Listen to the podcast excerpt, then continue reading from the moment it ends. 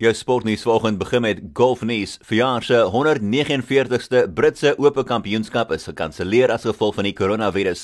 Die toernooi was veronderstel om in Julie plaas te vind by Royal St George's in Kent en die golfbaan sal dan nou volgende jaar gasheer speel vir die Britse Ope. Dis die eerste keer wat die Ope gekanselleer is sedert die Tweede Wêreldoorlog. Intussen is 2020 se drie ander mans majors geherskeduleer. Die meesters is teruggeskuif van April na November terwyl die Amerikaanse PGA Kampioenskap nou sal plaasvind hopelik in Augustus en die Amerikaanse Ope by Winged Foot in New York is geskuif van Junie na September, 'n week voor die Ryder beker. En in cricketnuus, die Cape Cobra se afrigter Ashwell Prince het bevestig dat Proteas snelbouler Dane Patterson in die proses is van 'n Colpack ooreenkoms onderteken. Patterson se naam is nie ingesluit op die Cape Cobra se 18-man groep wat gister aangekondig is vir die nuwe seisoen nie.